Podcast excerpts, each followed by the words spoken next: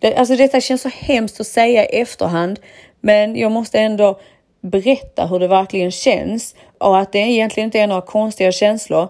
För vi alla går igenom det som får sådana här besked och det är viktigt att kunna visa, tycker jag, att det är fullständigt okej okay att känna så där och då. För att det är så det är. Man, kan, man får inte det beskedet. De flesta får inte det beskedet och bara säga ja, ja, men okej, okay. då blir det så. Där och då är det jättetufft.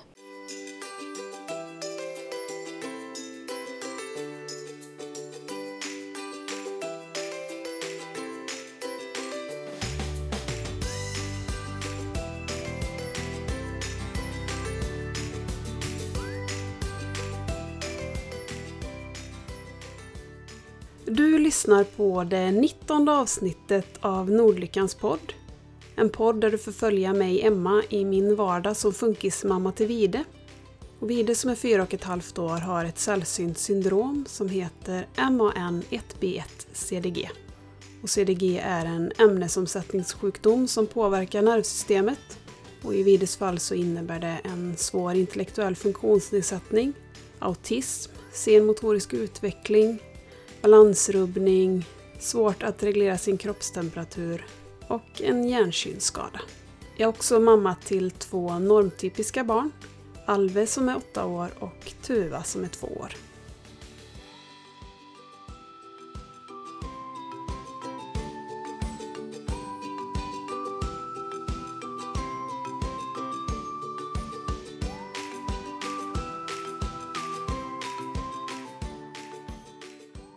I veckans avsnitt så gästas jag av Erika. Varmt välkommen till Nordlyckans podd. Tack så mycket. Och jag tänkte att vi ska köra en liten cliffhanger till den egentliga anledningen att du gästar podden och eh, ta det från början. För din väg till föräldraskapet, den har inte varit helt rak. Nej, precis. Den har varit eh, rätt så krokig om man säger. Från att det att vi, vi ville skaffa barn till att vi började försöka till att Ante eh, var här. Det tog oss sex år. Så det har varit eh, en lång, lång väg i eh, ett ofrivilligt barnlöshetsträsk med eh, alla dess tillbehör i form av hormoner och, och misslyckanden, missfall, depressioner, försöka resa sig igen, hitta nya vägar och så vidare och så vidare. Och hur lång tid tog det från att ni började försöka skaffa barn till att ni tog hjälp? Alltså vi gjorde det ganska så omgående för att jag, du vet man har en magkänsla och jag kände att det här, eh, alltså vi, vi försökte i ett år själva. Och det är det man ska göra. Om man är ofrivilligt barnlös så säger de ju att man ska försöka själv i ett år och sen får man lov att söka hjälp. Och vad var det för typ av hjälp som ni fick då? Jag vet inte riktigt hur det går till idag, men nu berättar jag ju utifrån när vi gjorde det och det, för att det var ju, det är åtta år sedan. Då tog vi kontakt med sjukhuset, gynavdelningen på sjukhuset. Jag minns faktiskt inte om jag gick till någon gynekolog eh, innan som skrev en remiss. Men i alla fall så startar man på sin gynmottagning på sjukhuset där vi fick göra eh, undersökningar som att eh, spola äggledare, Björn fick lämna spermaprov, eh, man tar blodprov och eh, lite annat så här för att kolla olika hormonhalter i kroppen och kolla så att det finns passage och kolla då så att Björns spermier är funktionella, eller vad man säger. Okej, okay. och vad kom de fram till vid de här undersökningarna? Jag har bara passage på ena sidan, det vill säga att min ena äggledare är helt igenklistrad. Så jag kan bara bli gravid på, e på ett håll om man säger. Men det hade jag lite på känn för att när jag var yngre så fick jag ett utomkvedshavandeskap, vilket innebär att eh, fostret fastnar i äggledaren och börjar utvecklas där på något vis. Men jag fick behålla min äggledare. De, oftast tar de bort den, men jag fick av någon anledning behålla den. Men den funkar ju inte. Och Björns spermaprov kom tillbaka att han hade för få spermier och de var inte, många av dem simmar väl inte riktigt som de skulle enligt proverna. Det i kombination gjorde det väldigt svårt för oss att få barn på naturlig väg. Jag har ju länge också misstänkt att jag hade endometrios, men då för åtta år sedan var det ingenting man tog så mycket på allvar, utan såg man inte det på något ultraljud så fanns det inte. Men idag vet jag ju att man får göra en titthålsoperation för att få det bekräftat. Och det har jag, fick jag ju veta, har jag fått veta i efterhand att eh, så var fallet. Att jag har endometrios. Och det också gör det väldigt svårt för oss att eh, skaffa barn. Och det är ju säkert därför min ena äggledare är som den är, för att jag har endometrios. Och hur många försök gjorde ni? Sammanlagt har vi gjort eh, sex fullfjädrade IVF-försök. Det finns två olika sorters IVF eller nej, det finns en sorts IVF, men det finns två olika sorters behandlingar.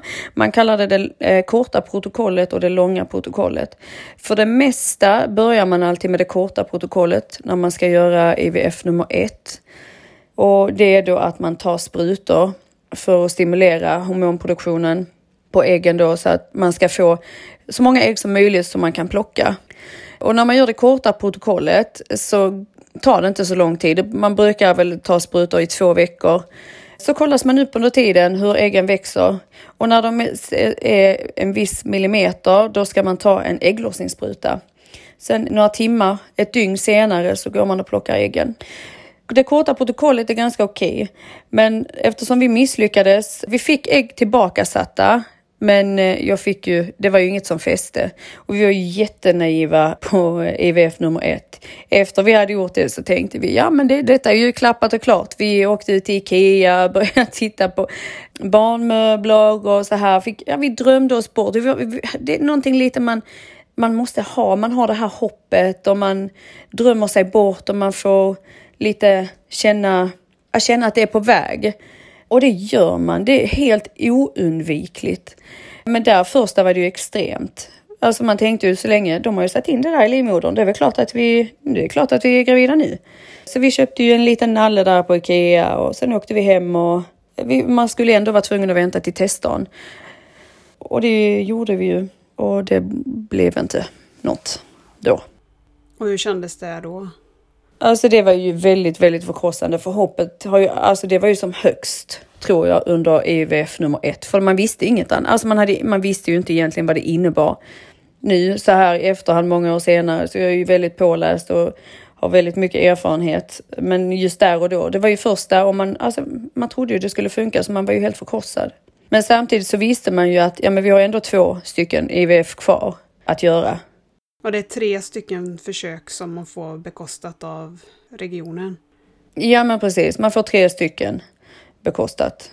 Och sen kan man ju få efter ett, ett IVF kanske man kan få embryo till frysen då. Alltså om man sätter ju ihop spermarna och äggen.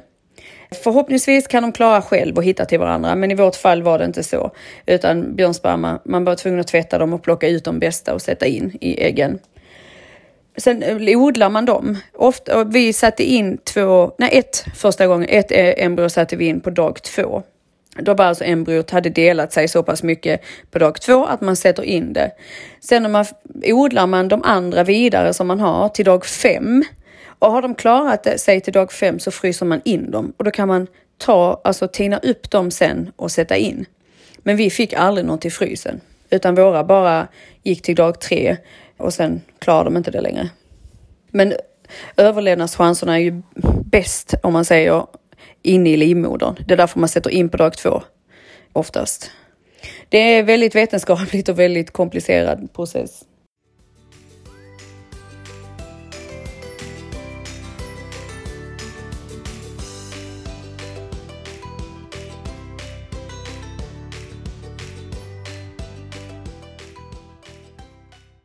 Och hur länge får man vänta efter ett misslyckat försök? Jag tror, om jag inte minns fel, att man var tvungen att ha en, en vanlig menstruation emellan. Och sen kunde man då påbörja nästa. Och gjorde ni det direkt? Jag minns inte hur lång tid vi väntade. För jag tror att det var, mitt där var det sommaruppehåll. Eller något sånt, så att då, då, då har de ju inte så mycket personal, så då får man ju vänta hela sommaren. Jag tror det var så på nummer två. På, när vi gjorde IVF nummer två så gjorde vi det, som jag berättade innan, att det finns två olika protokoll. Då gjorde vi det långa protokollet. Och i det långa protokollet, då ska man nedreglera kroppens egna hormonsystem eller vad man ska säga. Och då får man ett nässpray som stryper alla egna hormoner. Det, det, kan, det jämförs med, med att hamna i klimakteriet, men här hamnar du typ i klimakteriet över en natt. För mig var det jäkligt tufft.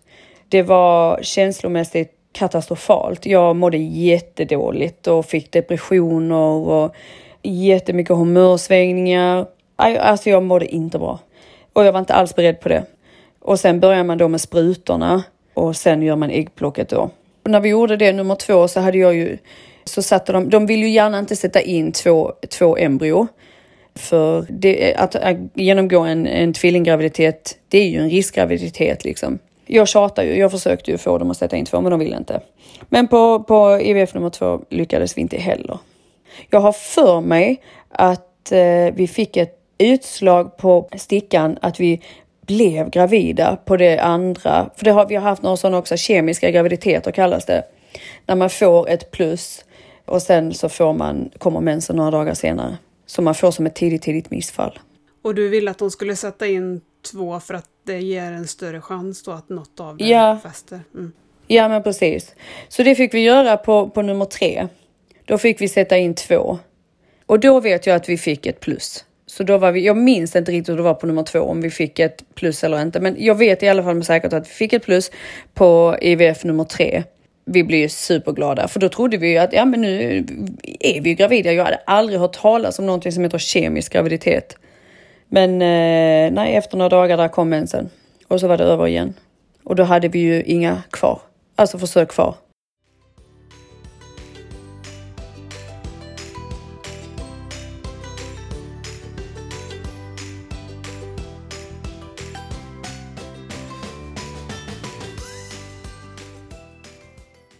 Och hur var det när alla chanser var borta? Alltså det är en jättesorg. Att vara ofrivilligt barnlös klassas ju som en sjukdom. Ja, det, det är så svårt att förklara alla de känslorna man går igenom. Man är inte rimlig som människa någonstans för allt. Det är bara allt man tänker, allt man andas, allt man gör det, man tänker bara på barn, man tänker bara på framtiden. Allt man gör är för att gynna kroppen för att kunna bli gravid. Man tar till metoder av olika slag. Vi har gjort akupunktur, vi har, jag har gått på zonterapi, vi har provat kinesiska örtmediciner, vi har provat att lägga om kosten helt, strypa allt socker. Ja, vi har provat en, en eh, massa Alltså det finns nog ingenting vi inte har provat. Jag är så som människa att funkar det inte denna gången, nej, då kan man inte köra på och göra samma sak en gång till. Då måste man förändra någonting. Så att eh, vi har ju gjort väldigt mycket olika inför varje gång. Och hur gick tankarna då efter det tredje försöket, hur ni skulle gå vidare?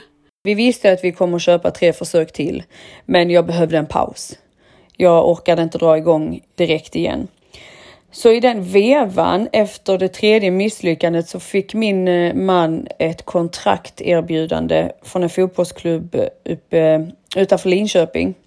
Och vi tackade faktiskt ja till den ganska så omgående. Det var, det var snabba beslut. Och vi kände att det var skönt att kunna komma någon annanstans där, ingen, där vi inte kände någon och där vi bara kunde få rå om oss själva och varandra och var i en miljö där vi inte behövde, det låter kanske konstigt, men det var en miljö där man, vi inte behövde träffa någon och vi bara kunde sörja som vi ville utan att behöva sätta på ett, ett ansikte så fort man gick ut.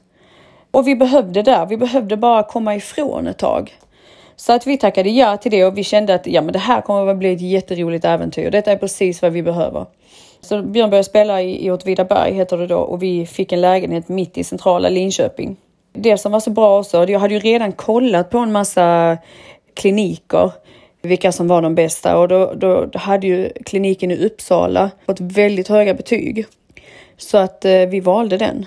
Och det var ju bara två och en halv timmes bilväg från Linköping. Och vad var det som gjorde att det var just tre försök till som ni hade bestämt er för? Man köper paketvis. Det, man får göra ett test hur eh, ens äggreserv ser ut innan man kan få ett erbjudande om att köpa ett trepack som man säger. Annars får man köpa en och en. Min äggreserv låg ganska så bra så att vi fick lov att köpa ett trepack om vi ville. Och då får man, det är väl lite som att eh, köpa tre betala för två. Ja, det blir, det blir billigare. Ja, precis. Än att köpa en och en. Och sen, hur gick de försöken? Vi startade ju till hösten därefter vi hade flyttat upp. Ah, ja, de gick ju inte. De två första gick ju inte. Efter det andra var jag så, alltså jag var så känslomässigt instabil. Jag hamnade i en jättedjup depression. Så jag fick ta hjälp där uppe. Jag, alla de hormonerna hade gjort mig helt nedgången. Och all, allt kämpande och alla besvikelser och alltihopa. För på de två, IVF nummer 4 och 5, fick vi också sådana här gravidbesked med tidiga missfall.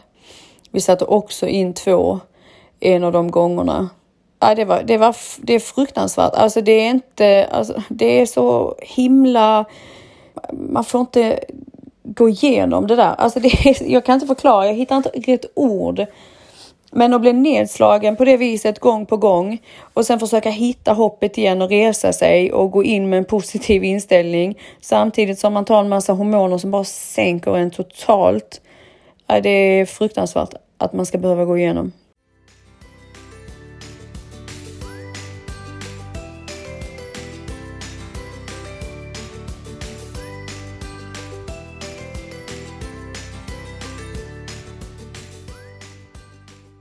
Mellan IVF nummer 4 och 5, det var då jag förstod att när man gör IVF utomlands så gör de på lite annorlunda sätt. Sveriges sjukvård är väldigt fyrkantig.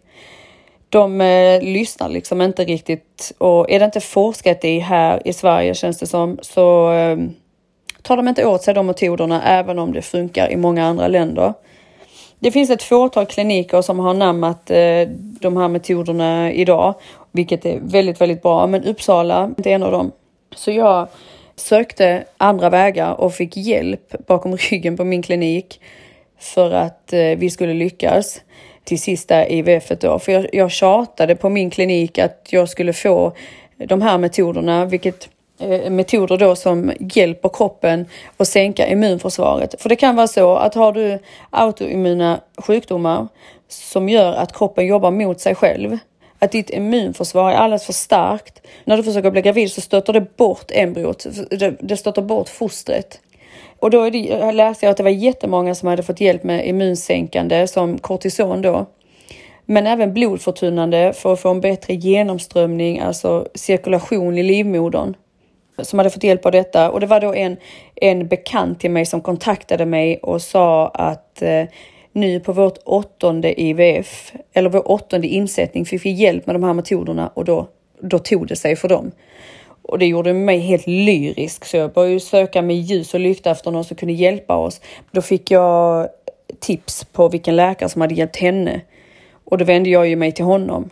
De hade inga tider och de, de tog inte in fler eh, patienter. Men alltså jag ringde, jag ringde dem, alltså jag vet inte hur många gånger jag ringde dem. Jag grät alltså. Jag bara, ni måste hjälpa mig. Ni måste hjälpa mig ni måste hjälpa oss. Och till sist då så fick vi en tid, fast i Malmö.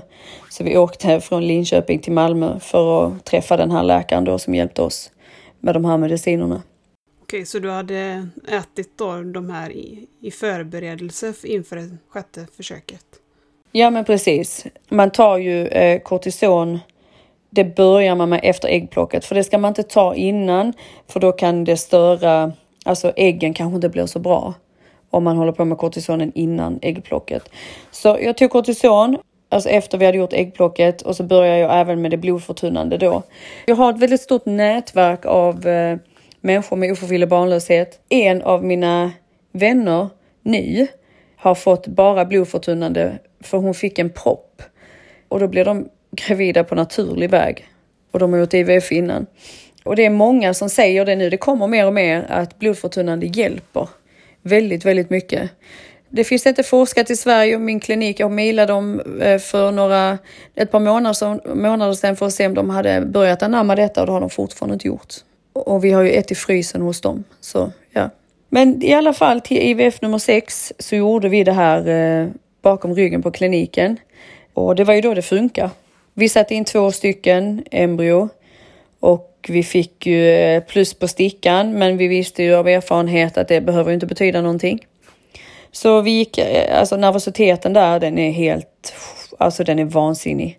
Man, eh, man går bara och oroar sig hela tiden. Man kan inte, man kan inte tänka på någonting annat än, än det här såklart. Och jag var ju beredd på hela tiden att jag skulle få, att det skulle skita sig, att jag skulle få missfall.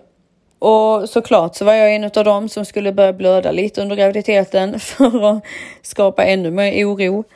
I samma veva där flyttade vi hem. När jag var gravid i vecka fem eller sex, då var det dags för oss att flytta hem igen. Då hade vi bott i Linköping nästan två år. Och då eh, gick jag till läkaren här som hade hjälpt mig i vecka sex eller sju.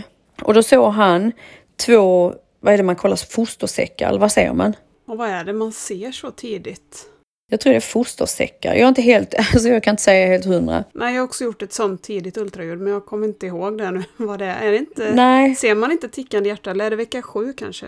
Ja, han såg ett tickande hjärta. Han såg två fostersäckar, men han såg bara ett hjärta som tickade. Och det kunde det ju vara att det var för tidigt för att se båda, så då fick jag komma tillbaka nästa vecka. Och då såg han två hjärtan. Då var det två hjärtan som tickade. Så det inte skulle ju varit en tvilling egentligen. I vecka nio började jag blöda väldigt mycket och jag var ju livrädd. Vi åkte in till gynakuten och, och, men där var det ingen som kunde ta emot mig för de hade bara en läkare och han var inte där. Jag vet inte om han var på förlossning eller vad det var. Så att vi fick komma tillbaka på morgonen därefter. Då, då hörde hon ju ett hjärta. Och man var ju mer lättad för det här hjärtat som var kvar just då än det man hade förlorat. För då var man bara orolig för att man skulle förlora det andra också. Men det var, det var fruktansvärt. Den natten där, då jag hade börjat blöda, den, alltså jag, jag, jag trodde ju allt var över. Och det var vårt sista försök. Jag trodde allt var över liksom.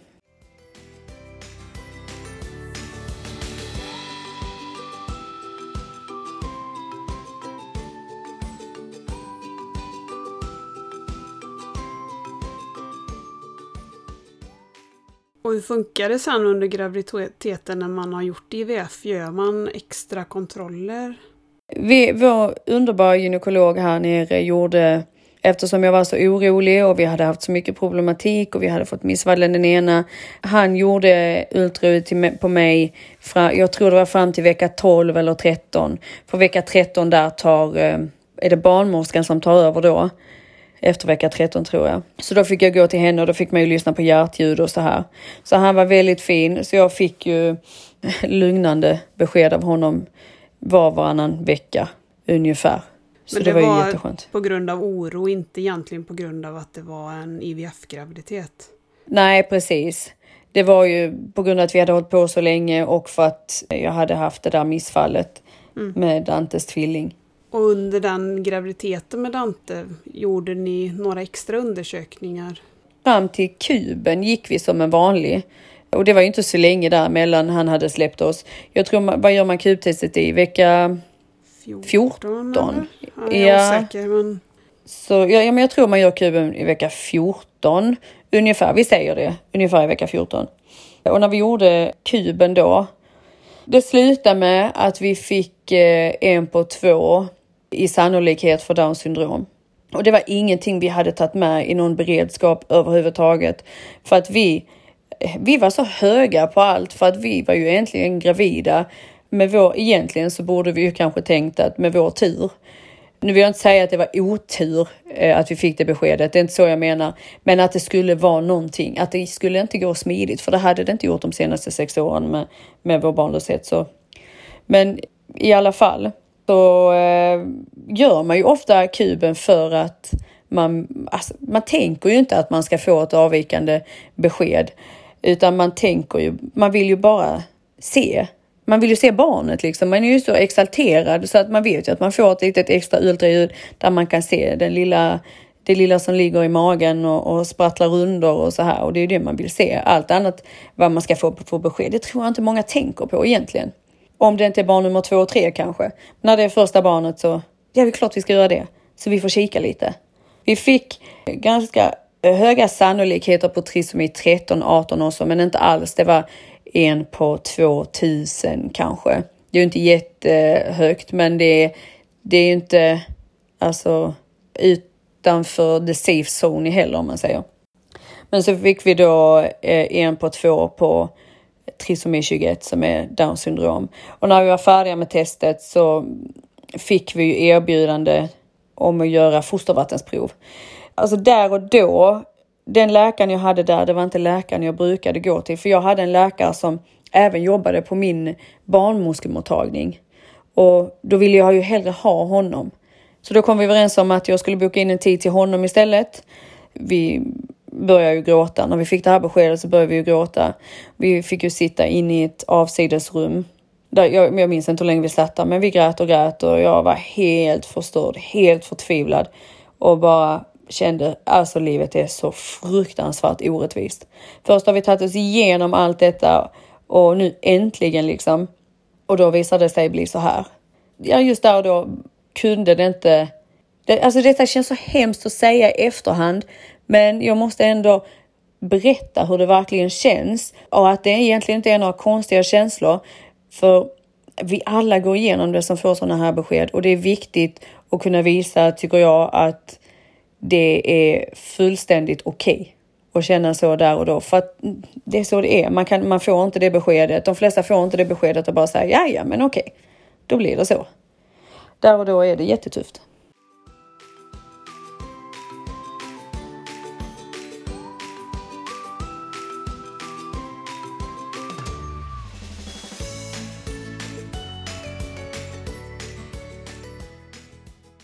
Nej, för det har jag ju jag har sagt det någon gång att eh, alltså att bli funkisförälder, det är ju ingen som väljer det, utan det råkar man ju bara bli. Och det är ju en sorg, tror jag, för i stort sett alla funkisföräldrar. Ändå en sorg som man måste få gå igenom. Ja, men precis. Och det bottnar ju oftast i okunskap. Man vet ju inte. Jag kunde. Jag hade ingen erfarenhet av Downs syndrom. Ingen. Jag visste inte alls. Alltså jag, jag hade ingen aning. Bara bara förutfattade meningar hade jag. För det var det man hade blivit serverad med. Det är ingen, ingen kunskap överhuvudtaget, whatsoever, på något plan. Och valde ni att göra ett fostervattenprov? Vi åkte hem därifrån och jag minns, vi satt i soffan och som, så som jag är så började jag googla direkt. Jag, jag, skulle veta allt om detta innan jag skulle ta ett beslut. Jag skulle hitta all fakta, jag ville veta historier och, och jag skulle, jag skulle veta vad detta betydde innan jag skulle ta ett beslut. Medan då Björn där och då, den enda gången han sa det faktiskt, var när vi, vi satt i soffan precis när vi kommit därifrån. Han var jag vet inte om jag kan göra detta. Jag vet inte om jag klarar det. Han minns inte idag att han har sagt det. Men hade ni tankar på abort där och då när ni fick det beskedet?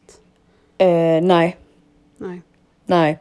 Ja, alltså det var, det kände jag direkt, det är helt utslutet för mig. Jag, jag, tänkte inte så mycket på, den, på det överhuvudtaget, utan jag tänkte mer på beskedet jag hade fått och vad jag skulle, hur jag skulle ta mig vidare känslomässigt från det. De här aborttankarna, de fanns inte hos mig. För att jag visste, jag, det, det, var ju liksom inte något alternativ egentligen. Nej. Så jag, vi fick komma vidare. Några dagar senare kom vi då till, min, eh, till den läkaren som jag berättade om. Och han gav oss då alternativet om fostervattensprov. Men det finns ju en, eh, en missfallsrisk. Det är en på 200. Men som sagt, med tanke på vår, vår bakgrund och, och den, de, all, alla de år av oturhet vi har haft när det gäller barnfrågan så var det, det var ingenting jag tänkte. Det var ingen, alltså ingen risk jag tänkte ta. För jag, jag, jag lovar, jag hade varit den en på 200 tror jag. Nej, vi tackar nej till det. Det var ju lite på Alltså det var ju lite påstridigt ändå. Eh, ja, men vi bokar tiden. Eh, den finns här om ni ångrar er.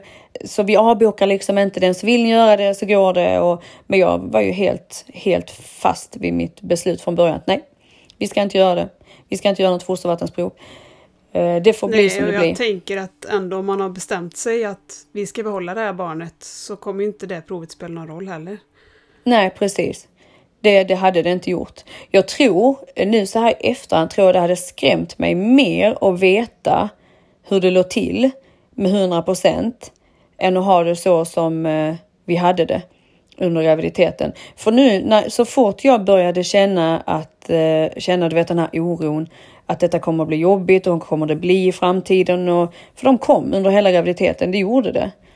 Då kunde jag bara slå undan dem med att tänka att det finns 50 procents Alltså det är 50-50.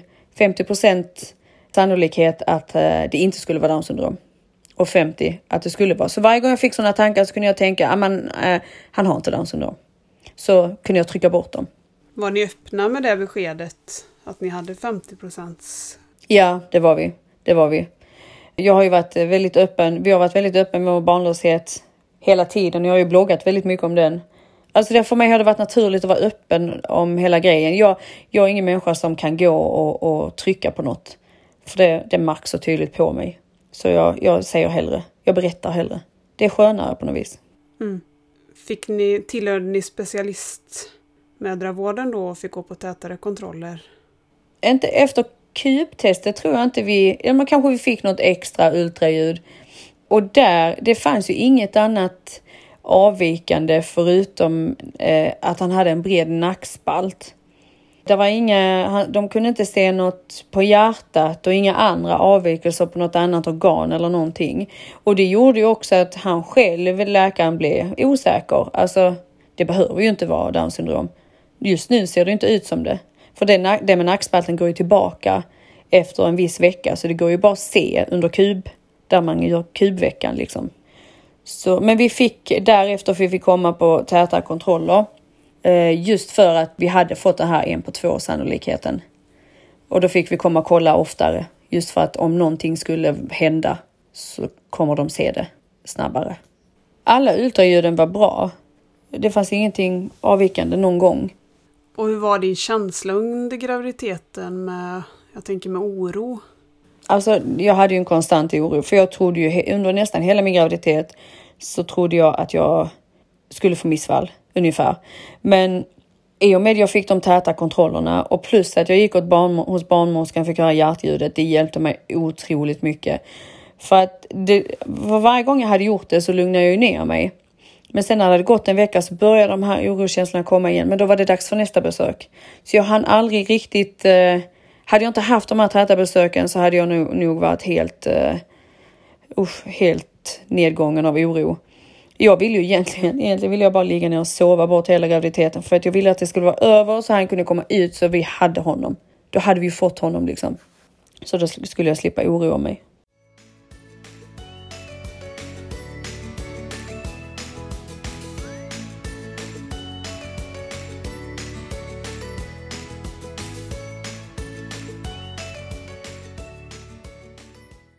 Och i vilken vecka är Dante född?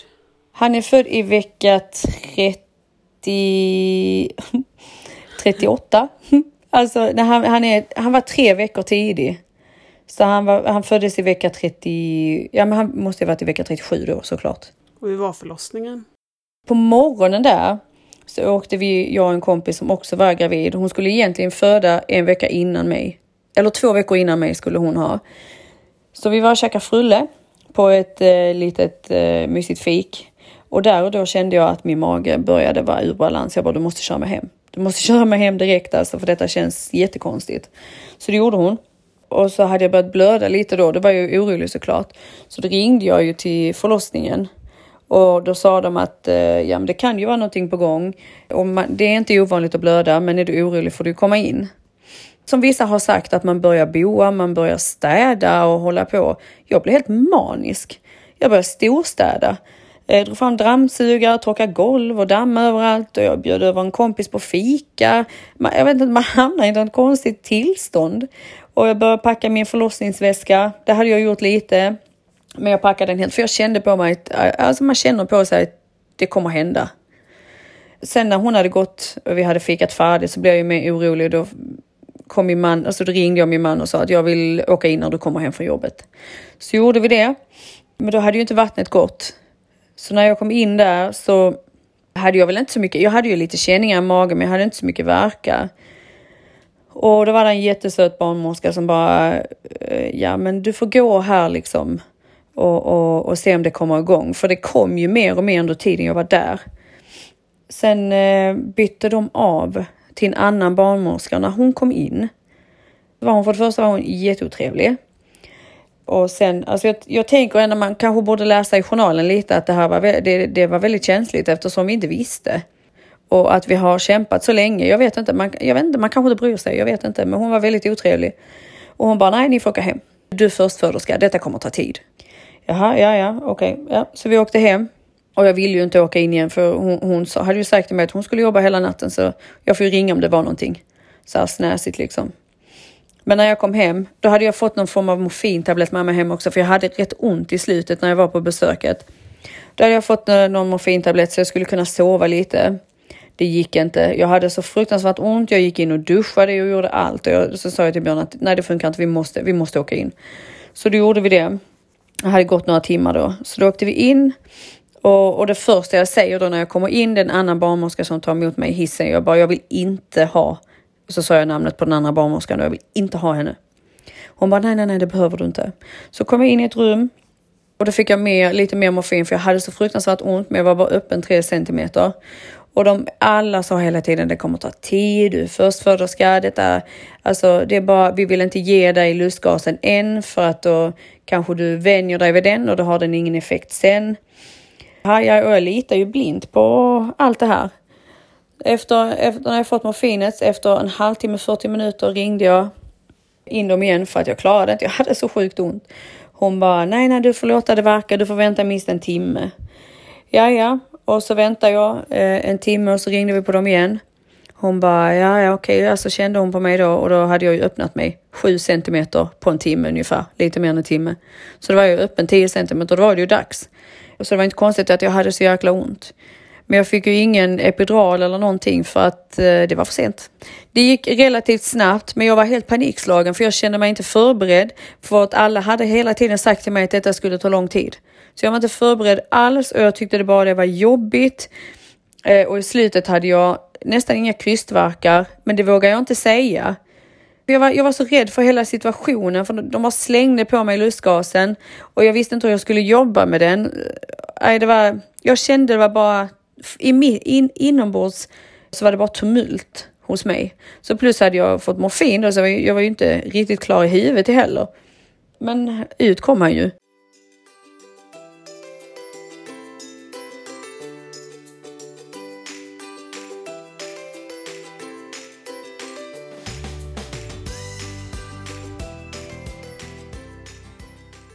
Klarar ju inte den sista biten för jag tror inte jag hade så mycket krystvärkar utan hon fick klippa för hans saturation sjönk.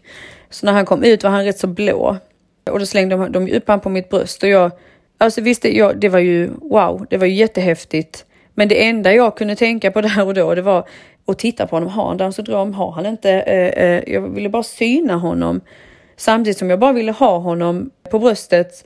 Alltså jag hade inte den här wow-känslan för hela, hela grejen var så omtumlande. Och han låg ju på mig ett litet tag, eh, för de kollar ju om han, färgen ska återgå. och Det gjorde den ju inte så som den ska. Så då kom ju läkaren och då tog de honom och så åkte de, alltså fick han ligga på neonatalen. Och där satt ju vi inne i rummet och jag, alltså det var, jag kan, det var så konstiga känslor för jag, jag grät liksom inte och jag var, jag var bara, jaha, ja då är han där och så är vi här. Så äter vi vår macka med vår lilla Sverigeflagga i. Eh, sen kom de in efter ett tag då och frågade om jag ville, alltså de ville att vi skulle följa med in till honom och det ville vi ju såklart. Jag trodde jag kunde gå men det kunde jag ju inte. Jag kunde inte ens sitta i en rullstol för allting hade varit så omtumlande. Jag hade fått morfin och jag hade och de hade klippt mig och jag var helt yr i huvudet. Så de fick rulla in mig i, i sängen in till honom där. Och då låg han, han var jätteliten, han vägde två och ett halvt kilo. Låg där i sin lilla säng med massa sladdar in i ett litet rum liksom. Och där fick vi vara med honom och sen fick vi åka tillbaka till vårt rum. Sen var vi på neonatalen, jag tror vi var där nästan två veckor. Och varför fick ni stanna där? Eh, Dante hade dålig saturation och plus att han hade gulsot. Så de var väldigt osäkra på varje dag. De tog regelbundna prover och de var osäkra på om han skulle, om han skulle sola eller om han inte skulle sola. Eh, och han låg precis på gränsen varje gång så han slapp sola. Men han kunde ju inte äta själv. Så att han fick ju sondas var tredje timme och jag fick ju pumpa var tredje timme. Så att det blev inte så mycket sömn. Man sov en timme, så var man tvungen att ställa klockan för man skulle pumpa och sen skulle man maten, sen skulle man komma till ro och, och somna igen och sen ringde klockan en timme senare så fick man hålla på så. Amma gick ju inte för han kunde ju inte ta bröstet. Och efter några dagar då så blev jag så uppgiven så jag bara nej, vi får testa flaska för hellre att han äter själv om jag inte kan amma så må så vara, men hellre att han äter själv än att vi ska hålla på och sonda honom. Då vill jag hellre testa flaska för att se. Jag vet inte om det var så populärt kanske. Jag upplevde när vi låg på Neo med Vide att de var väldigt inställda på att man skulle amma. Exakt. Och, och det ville jag ju också. Det ville jag verkligen. Men sen bara kände jag att jag, jag vill ju hellre att han ser om han kan äta själv överhuvudtaget. Än att jag ska tvinga eller sonda honom helt i onödan. Då, då får han hellre ta flaskan. Så att vi köpte en flaska och han tog flaskan. Det var inga problem. Så att jag är glad att jag gjorde det, att jag stod på mig där. Så gjorde faktiskt vi precis likadant. Vi köpte en flaska och frågade inte ens. Nej. Eh, för annars kändes det som vi aldrig skulle komma därifrån om vi skulle få igång en amning. Nej men precis, precis. Och jag pumpar och sitter där och pumpa för att sen alltså sonda, när man bara häller över det i en flaska och, och, och, och försöka ge honom det istället så han blir starkare. Och Vide drog ju sina sonder också. Det är ju, det är ju traumatiskt att vara med när de sätter de här nässonderna. Ja, eller hur. Usch. Ja, fy. Det gjorde Dante också. Han drog alla sladdar hela tiden kändes det som. Så att det pep och hade sig och sonden åkte ut. Och, alltså man vill, man vill ju inte vara där längre än vad man måste. Man vill ju komma hem. Ja. Och när fick ni ett definitivt besked? Det gick faktiskt nästan en hel vecka innan vi fick ett besked. Han kom ju in varje dag och sa att vi har inget besked ännu, vi har inget besked ännu. Och vi, alltså, vi synade ju honom varje dag och hela tiden, har han det? Ja, men det har han nog inte, det ser inte ut så. Sen ena sekunden bara, jo, men jo, jag tror nog. För det fanns inga självklara, du vet de går ju efter det här Halls kriterier. Det är en lista med, med 12 olika punkter och eh, har man ja, åtta eller nio av dem så är det ganska så säkert att man har Downs syndrom. Men Dante hade inte det. Och vad är det för saker på den listan? En av sakerna är ju att man har såna, jag vet inte vad det heter riktigt, men fyrfårfing, alltså den här linjen i handen. Vi har ju, de flesta har ju två linjer. Om du tittar i din handflata, då kommer alla titta i sina handflator. Då har man ju oftast två linjer som går över hela handflatan. Från pekfingret till lillfingret ungefär. Personer med Downs syndrom har oftast bara en. Det är ett väldigt säkert tecken. Men man kan ha den här, ett streck bara utan att ha Downs syndrom också. Men det, det är ett, eh, ett stort tecken för personer med Downs syndrom. Men Dante hade inte det. Och sen är det ju platt bakhuvud, vilket han har, men det har ju många spädbarn när de, när de har kommit ut, så det är också svårt att se. Sen är det ju det här sandalglappet, ett stort mellanrum mellan stortån och nästa tå. Lågt sittande öron med få veck. Dante har, väl ganska lågt sittande öron, men han har ganska mycket veck. Så det var så här diffust hela tiden. Av kriterierna är ju sådana man inte kan se förrän barnen blir lite äldre. Jag tycker att han är ju otroligt lik dig. Det är han. han, är, han är, det är många som säger det och när jag tittar på bilder när jag var Dantes ålder så är ju, alltså det, det är en liten kopia. Är det faktiskt.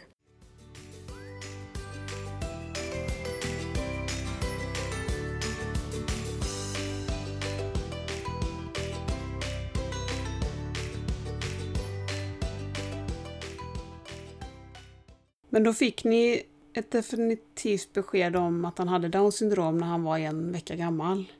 Ja precis, då kom läkaren in. Han kom ju in varje dag, ja, som jag sa, och sa att han inte hade något besked och vi hade ju landat, alltså jag vet inte, vi tänkte väl mycket på det, men efter några dagar så avtog det och vi bara, jag levde där inne i, i, i vårt lilla rum liksom. Och sen, men sen när han kom in med beskedet och sa då att ja, det, det är som, det, han har Downs syndrom. Och då, alltså jag bröt ihop totalt. Alltså det är ju inte, man måste tänka också när man får ett besked där och då. Det, man har inte, man är ju inte känslomässigt stabil från grunden efter en förlossning. Alla känslor spretar ju åt alla håll, alla hormoner är ju överallt. Så att få ett besked där och då, det, det blir ju, man bryter ju ihop och jag grät och jag grät och jag kommer ihåg att jag sa till Björn att jag vill inte att han ska ha Downs syndrom. Jag vill inte, jag vill inte. Samtidigt som stackars Dante ligger där bredvid och bara, han är som han är och där är jag och säger att jag inte vill att han ska ha Downs syndrom. Alltså jag, nu, det blir lite känsligt här men alltså man får så dåligt samvete samtidigt som man, man älskar ju sitt barn men man sörjer ju det barnet man inte fick som man trodde att man skulle få det är en sorgeprocess på något vis. Och, och, men så här i efterhand, det är ingen som förstår. Vi förstår ju inte varför vi, vi var ledsna då. Det förstår vi inte idag. Vi förstår inte varför vi grät och vi förstår inte de känslorna vi hade då. Men där och då så är det ju väldigt, väldigt omtumlande och eh, tufft besked att få. För oss var det det i alla fall. Och när vände det för er? Jag grät i några dagar. Det, det var så här, ena sekunden grät jag jättemycket, andra sekunden så bara kramade jag honom. Eh, krama honom gjorde jag hela tiden. Men alltså, och, och det här med att tårarna rann ner på hans huvud för att jag grät för den han var. Det är hemskt så här i efterhand. Det, alltså, man har så dåligt samvete för det på något vis. Det, det var om vartannat. Man grät och sen, och sen läste man på lite, man googlar ju hela tiden. Det som hjälpte mig var ju Instagramkonto, olika Instagramkonto som var öppna där um, föräldrar hade barn med Downs syndrom. Det var det som hjälpte mig jättemycket och, och Julia, eh, Julias konto Milan, det var ju jätte, jättestor hjälp för mig för att hon, jag kommer minns att hon har sagt vid ett tillfälle att hon önskar att alla borde ha en Milan i sitt liv. Och så kunde jag känna när jag tittade på Milan under, under graviditeten också. För det svajade ju väldigt mycket. Och när jag såg allt det här underbara, hon la ut om Milan och, och hennes liv och så här. Och när hon säger då att alla borde ha Milan i sitt liv så kunde jag känna faktiskt emellanåt hopp om att ja, jag vill också ha en Milan i mitt liv. Bara titta på honom liksom. Alltså det svajade väldigt mycket i känslor hela tiden och även efter beskedet svajade väldigt mycket i känslor. För man har ju ingen aning om hur det blir. Det finns ingen mall för, för personer med Downs syndrom. Alla är så himla olika. Det är alla barn, alla barn är olika, men barn som inte har någon funktionsvariation, de har ju ändå uppstrukturerat liksom en utvecklingskurva de ska följa. Eh, det har man ju inte med barn med Downs syndrom, utan man får ju bara vänta och se. Och när jag kände att det släppte helt, det var när det inte var cirka, oron släppte helt, det var när det inte var cirka tre månader och han gav mig det första svarsleendet. Han tittade på mig, han såg mig och log. Alltså, då, alltså tårarna som kom då och känslan jag kände, all, all oron bara, den bara försvann. Den bara tynade bort. Så där efter det, klart man har oro i form av hur kommer framtiden bli, eh, kompisar, alltså sådana här saker. Men det har ju alla föräldrar. Visst, det kanske blir lite tuffare för våra barn, men samtidigt så, jag vet att det kommer att bli bra.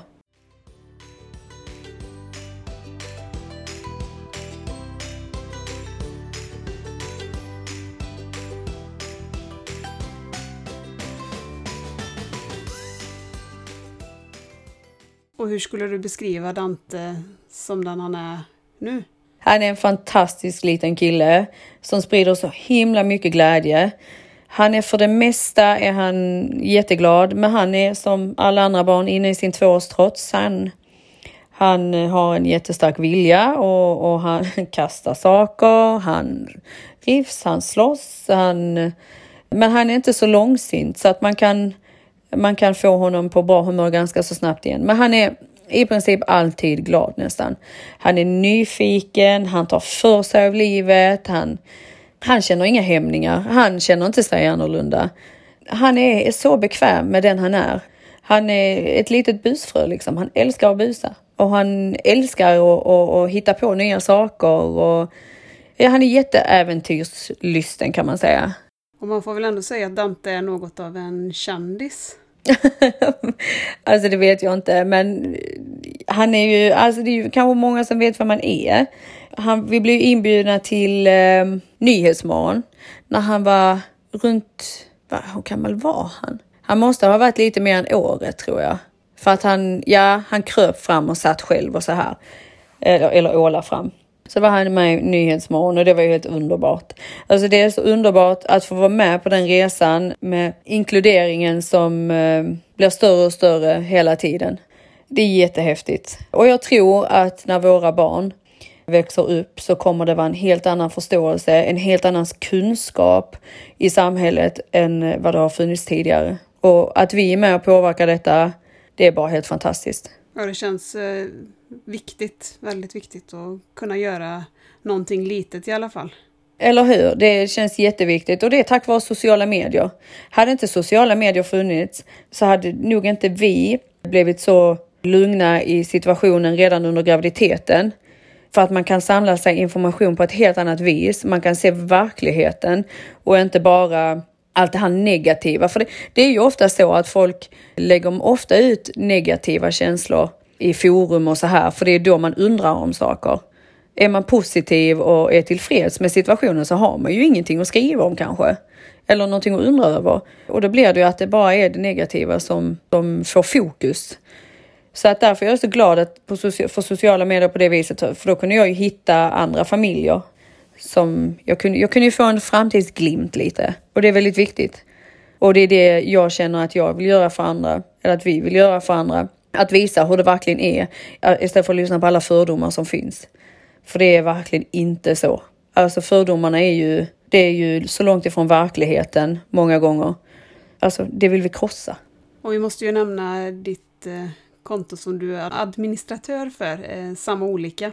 Som funkismamma så vill man ju självklart att ens barn ska bli accepterat för den den är och få kunna vara med på samma villkor som alla andra fast med lite extra stöd.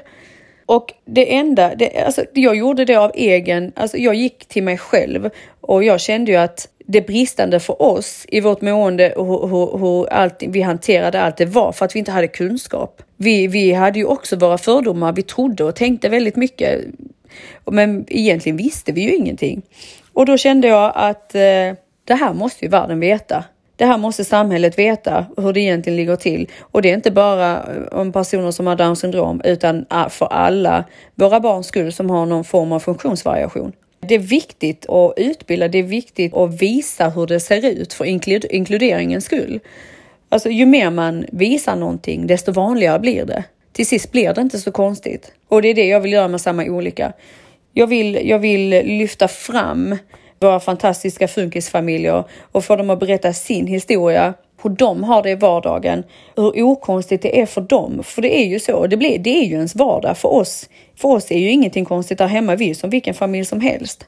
Det är ju vår vardag, vi ser ju inget konstigt med det överhuvudtaget. Nej, och på samma olika får man ju följa en familj eller ett funkisbarnen en, hel dag. Och Vida har ju också haft, fått, fick ju också möjligheten att vara med där en dag. Och den responsen som vi fick den dagen, det är ju ingenting som går att jämföra med det. Det var ju faktiskt eh, helt fantastiskt. Ja men det är så himla kul att höra. För så säger ju de flesta familjer, eller alla familjer som varit med, de var ju inte beredda för på den här kärleksbomben som de fick. För det är ju verkligen, och det är det som är så himla fint, det är ju verkligen eh, alltså människor som de tar sig till historierna så himla mycket. Och de ställer ju frågor. Det är det som är meningen också, att folk ska få ställa frågor. Inga, inga frågor ska vara konstiga för att kan vi inte svara på konstiga frågor så är det ingen, ingen kommer att våga ställa det och då kan vi inte heller lära omgivningen. För att det är inte så självklart för alla. Och det är det jag tror många känner där också, att eh, här är ett forum där vi kan lära oss. Vi, vi, ska, vi känner inte oss dumma för att vi ställer en fråga eller två. Och det är jätteviktigt. Och om vi går tillbaka lite till det här kändisskapet, eh, Dantes kändisskap, så har han ju varit med i senaste IKEA-katalogen. Ja, han var med. Ja, det var han. Och det var så himla, himla kul för att när vi åkte och skulle göra den här fotograferingen för IKEA så trodde ju jag då att, eh, ja, men att det var för den svenska IKEA-katalogen. Men det visade sig sen att han inte skulle vara med i den svenska IKEA-katalogen alls, utan han skulle ut i världen och vara med i ett tjugotal utländska IKEA-kataloger. Hela USA, Mexiko, ja, massor, massor med Kanada, massor med länder överallt. Där ehm, till och med länder där det kanske vi inte har kommit lika långt i vårt accepterande samhälle som vi gjort här i Sverige för olika funktionsvariationer. Så det var väldigt, väldigt, väldigt häftigt. Jag har försökt samla på mig alla katalogerna. Jag saknas fortfarande några, men jag jobbar på det. För, för, för oss är det väldigt, väldigt stort att få vara med om den här inkluderingen och Ikea ska ha all cred för att de gör det, för det är fantastiskt alltså. Ja, även jag som funkismamma känner ju också en del i det och tycker också att det är... Så man blir ju superglad när man såg att Dante hade fått den möjligheten man känner sig på något sätt delaktig i det. Ja men det gör man ju såklart. Så varje gång man ser någon, någon med någon funktionsvariation i en serie, i ett program, i en film eller alltså det berör en så hårt. Man blir så himla rörd. Sen vilken, vilken funktionsvariation det är, det spelar liksom ingen roll för att vi är ju ett community om man säger som vet, även om vi inte har samma typ av diagnos eller syndrom, så har vi ju väldigt mycket gemensamt ändå i våra resor. Så det är klart man, alltså man blir ju så fruktansvärt glad för varandras skull. Och om man vill fortsätta att följa dig och Dante, var hittar man er? Man hittar oss eh, mest aktiva på Instagram på mitt namn Erika Westerblad. Så där kan man följa Dante. Det är inte så mycket jag, det är inte så mycket någon annan. Det är mest Dante. Så har jag då mitt sidokonto, samma olika som vi har pratat om. Där är inte så mycket Dante utan där är alla, alla barn med funktionsvariationer välkomna att dela sin vardag. Du, tusen tack för att du ville vara med och berätta din historia. Ja men tack själv för att jag fick vara med. Ha det så bra. Hej då! Men detsamma, hej då! Och tack så mycket också till alla er som har lyssnat på veckans avsnitt. Och om du vill komma i kontakt med mig så kan du söka upp mig under namnet Nordlyckan. Antingen på Instagram eller på Facebook. Så hörs vi igen nästa söndag när jag kör säsongens sista solopodd. Tack så mycket för att ni har lyssnat. Puss och kram!